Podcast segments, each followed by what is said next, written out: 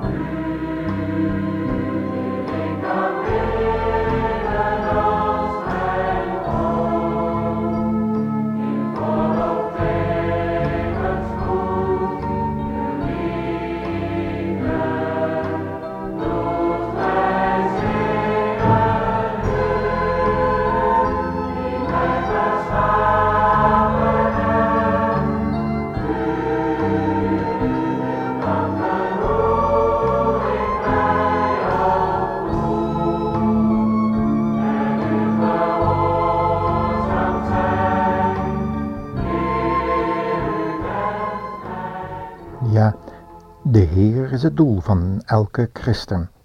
We bevinden ons op een kleine bijbelstudiegroep in een plaatselijke christelijke geloofsgroepering. Ergens achter in de zaal zit een nog jonge student, kennelijk wat verlegen en timide en niet helemaal zeker van zichzelf. Het was duidelijk dat hij behoefte had aan wat bemoedigende stimulatie, zodat de andere aanwezigen erachter konden komen wat hij nou als jonge student door kon geven over het onderwerp waar men op dat moment mee bezig was. Ze waren eigenlijk best nieuwsgierig geworden door een aanbevelingsbrief die de jonge student had laten lezen. Zijn mentor had de gelovigen uit de plaatselijke gemeente waar die student naar verwezen was opgewekt hem vooral niet te ontmoedigen. Ja, dat kan je in deze tijd nog wel eens verwachten. De jonge man had volgens de professor in de theologie beslist talenten die niet verborgen mochten blijven. Bovendien had hij iets van de professor door te geven aan de gemeente.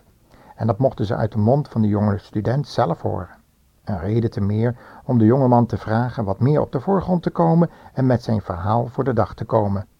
Gespannen wachten we met de luisteraars af wat hij ons te zeggen heeft. Want we zijn allemaal geschapen met gaven en talenten. En die moeten er ook uitkomen. Maar stimuleren we dat bij elkaar? Of uh, zetten we laten we alleen onze eigen haan koning kraaien. Worden we door de liefde, waar we van zingen, worden we daardoor gedreven om elkaar op te wekken tot de meest geestelijke gaven? Of uh, hebben we nog nooit gedankt voor dat wat God ons gaf? Ja, het is toch wel nodig dat we nog eens gaan luisteren.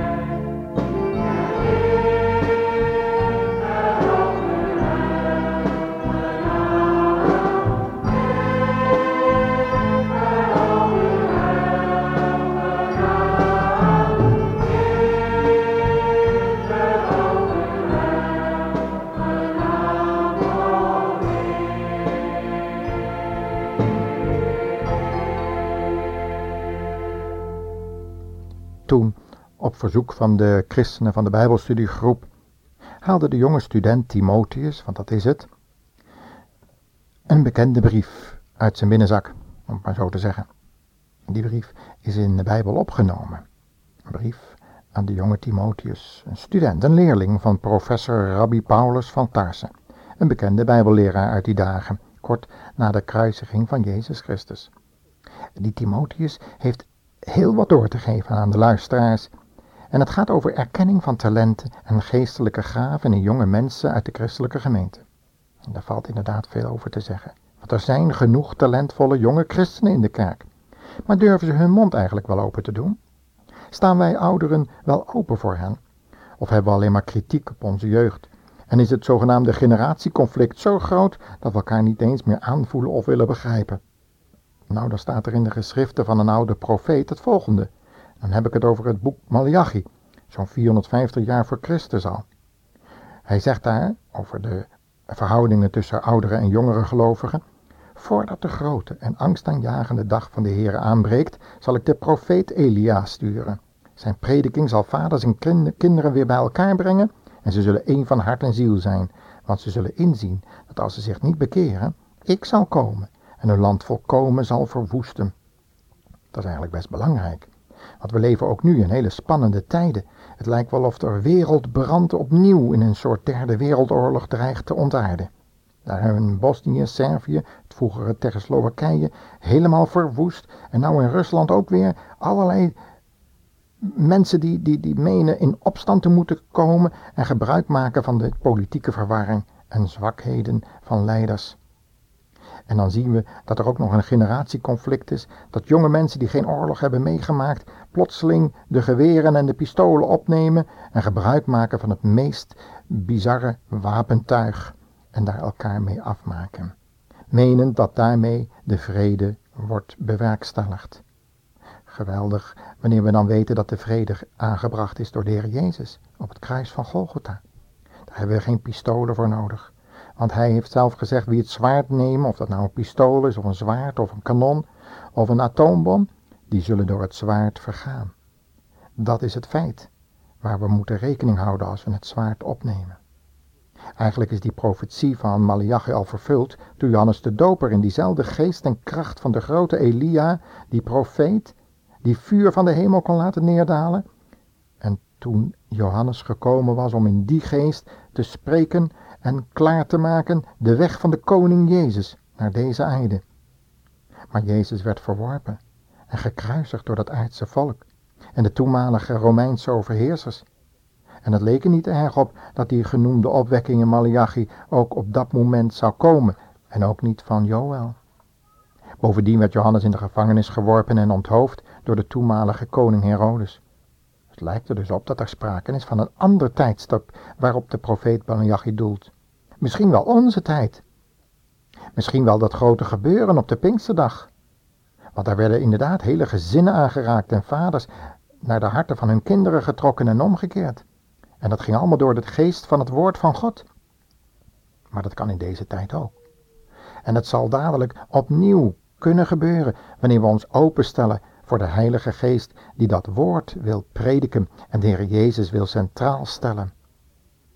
Later zouden de apostelen en hun leerlingen zoals Timotheus en Titus door de geest van de profetie prediken en mensen tot bekering zien komen als gevolg van die woorden van geest en leven van de Heer Jezus Christus, de opgestane Heer en Heiland, de Messias van Israël die spoedig zal komen, terugkomen om inderdaad een eindvervulling te geven van de profeten van het Oude Testament. In deze tijd waarin Paulus schrijft, was daar dus die jonge Timotheus, die echter ook ons in, als christenen van deze 20ste eeuw iets te vertellen heeft. Laten we eens lezen hoe we dus moeten omgaan met geestelijke gaven die God iedere christen heeft gegeven. Niet allemaal tegelijk, niet allemaal hetzelfde, maar toch gaven van de geest. In ieder geval de vrucht van de geest. 1 Timotheus 4, vers 6 tot 16, daar staat het. Timotheus, doe je plicht als dienaar van Christus. Want daaruit zal blijken dat je gevoed wordt door het geloof en door het goede onderwijs wat je hebt genoten. Verknoei je tijd niet met discussies over allerlei zinloze ideeën en flauwe sprookjes. Benut je tijd en energie om geestelijk in conditie te blijven. Lichaamsoefeningen zijn niet zo nuttig, maar de oefening van de geest juist wel. Het heeft een goede uitwerking op alles wat je doet. Dat zal je niet alleen in dit leven helpen, maar ook in het toekomstige. Dit is de waarheid die iedereen zou moeten aannemen. Opdat men dit zal geloven, werken wij hard en moeten wij veel doorstaan. Want onze hoop is gericht op de levende God, die de redder van alle mensen is, in het bijzonder van hen die in hem geloven. Zorg er dus voor dat iedereen dit goed leert. Niemand mag op je neerkijken omdat je nog zo jong bent. Wees een voorbeeld door wat je zegt en doet, door je liefde, geloof en zuiverheid. Tot ik kom, moet je uit de boeken voorlezen. Leg de gemeente uit wat het betekent en maak het goede nieuws bekend. Gebruik de bijzondere gave die God je door zijn profetisch woord heeft gegeven toen de leiders van de gemeente jou de handen oplegden. Doe iets met die gave. Werp je op de taken zoals iedereen je vooruitgang zal, boeken, zal opmerken. Pas goed op jezelf, in alles wat je denkt en doet. En blijf trouw aan wat juist en goed is. En God zal niet alleen jou redden, maar ook de mensen die naar je luisteren.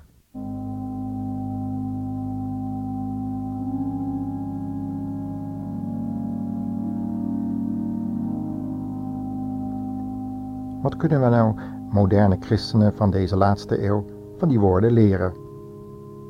Ik denk dat het wel duidelijk is. We moeten leren opletten welke gaven onze medechristenen hebben. Ze jong zijn of oud, maar we moeten ze stimuleren, opwekken, ontdekken, zodat ze niet begraven, maar gebruikt worden. Nu moeten we wel even op dat angeltje, dat addertje onder het gras letten. Want het is zo dat jonge mensen willen graag gehoord worden tegenwoordig. En daar is er niks op tegen. Als ze echter maar ook een voorbeeld zijn door wat ze zeggen en doen, door hun liefde, geloof en zuiverheid. Daarom zegt er ook, vooral in die brief aan Timotheus, aan jonge mensen ook van vandaag, denk erom dat je je verleidingen die er zo om je heen zijn, ontvlucht. Dat is heel erg belangrijk. Ontvlucht de begeerte van de jeugd, schrijft Paulus aan diezelfde Timotheus, want ja, eigenlijk staat alles in vuur en vlam. Een jongen en een meisje, ze willen trouwen, soms al eerder datgene doen wat eigenlijk binnen het huwelijk thuis vindt, plaatsvindt. Maar dan, dan zie je dat je pas gezag krijgt wanneer je leert je te beheersen. En dan is het voor de ouderen niet zo moeilijk om dan die gaven die God je heeft gegeven, door erkenning ook van leraren, van mensen om je heen, je eigen ouders misschien. Handoplegging betekent je maakt je één met datgene wat God al gegeven heeft. Heel duidelijk zie je dat in de verhouding tussen Mozes en Josia. Want leg hem de handen op, had God gezegd. Op de man in wie de geest is. En op dat moment konden alle gaven die Josia al lang geopenbaard had, als grote krijgsheer eigenlijk, maar ook als trouw, als iemand die je kon vertrouwen. En die trouw was in datgene wat God hem had opgedragen. En dan kon dat ook openlijk erkend worden door middel van die handoplegging. Dat is heel nuchter en dat gebeurt in het zakenleven ook. Daarom kunnen we jonge gelovigen aanvaarden en bemoedigen wanneer zij zich door de liefde en door de geest van God laten leiden. Want zoveel als er door de geest van God geleid worden, zijn zonen van God. Die zijn volwassen christenen. En dan kunnen we God er in de gemeente en thuis voor danken. Die gaven beproeven en activeren. Van de gaven die anderen openbaren ook leren genieten. Jonge gelovigen laten merken dat hun gaven gewaardeerd worden, zodat ze ermee blijven werken. Gods woord naast die werking van de gaven leggen ter controle, zodat het niet uit de hand loopt en niet alleen maar de gaven centraal staan of degene die de gaven heeft, maar de Heer Jezus Christus, de grote gever van de gaven. En tenslotte kunnen we ze zo nodig liefdevol corrigeren met de Bijbel in de hand. Maar dan zullen we erg waakzaam moeten zijn dat we de waarheid in liefde vasthouden.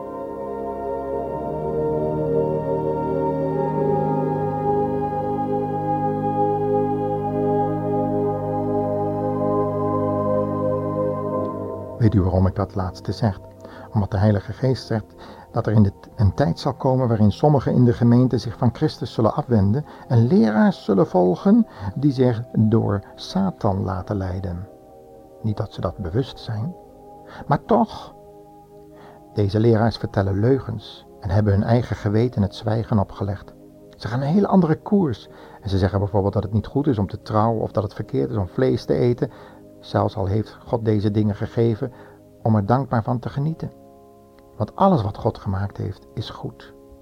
Daarom moeten we erg oppassen voor alle die religieuze secten met sterke persoonlijkheden aan het hoofd. Laten we ons vasthouden aan het woord van God, aan elkaar. God geven dat, ook aan de luisteraar, jong en oud. Wanneer u op dit programma wilt reageren of een kopie van het bandje wil hebben, dan schrijft u maar naar de, het, uh, het radiostation waar u nu naar luistert en dan brengen zij u met ons als Stichting Adulam in verbinding.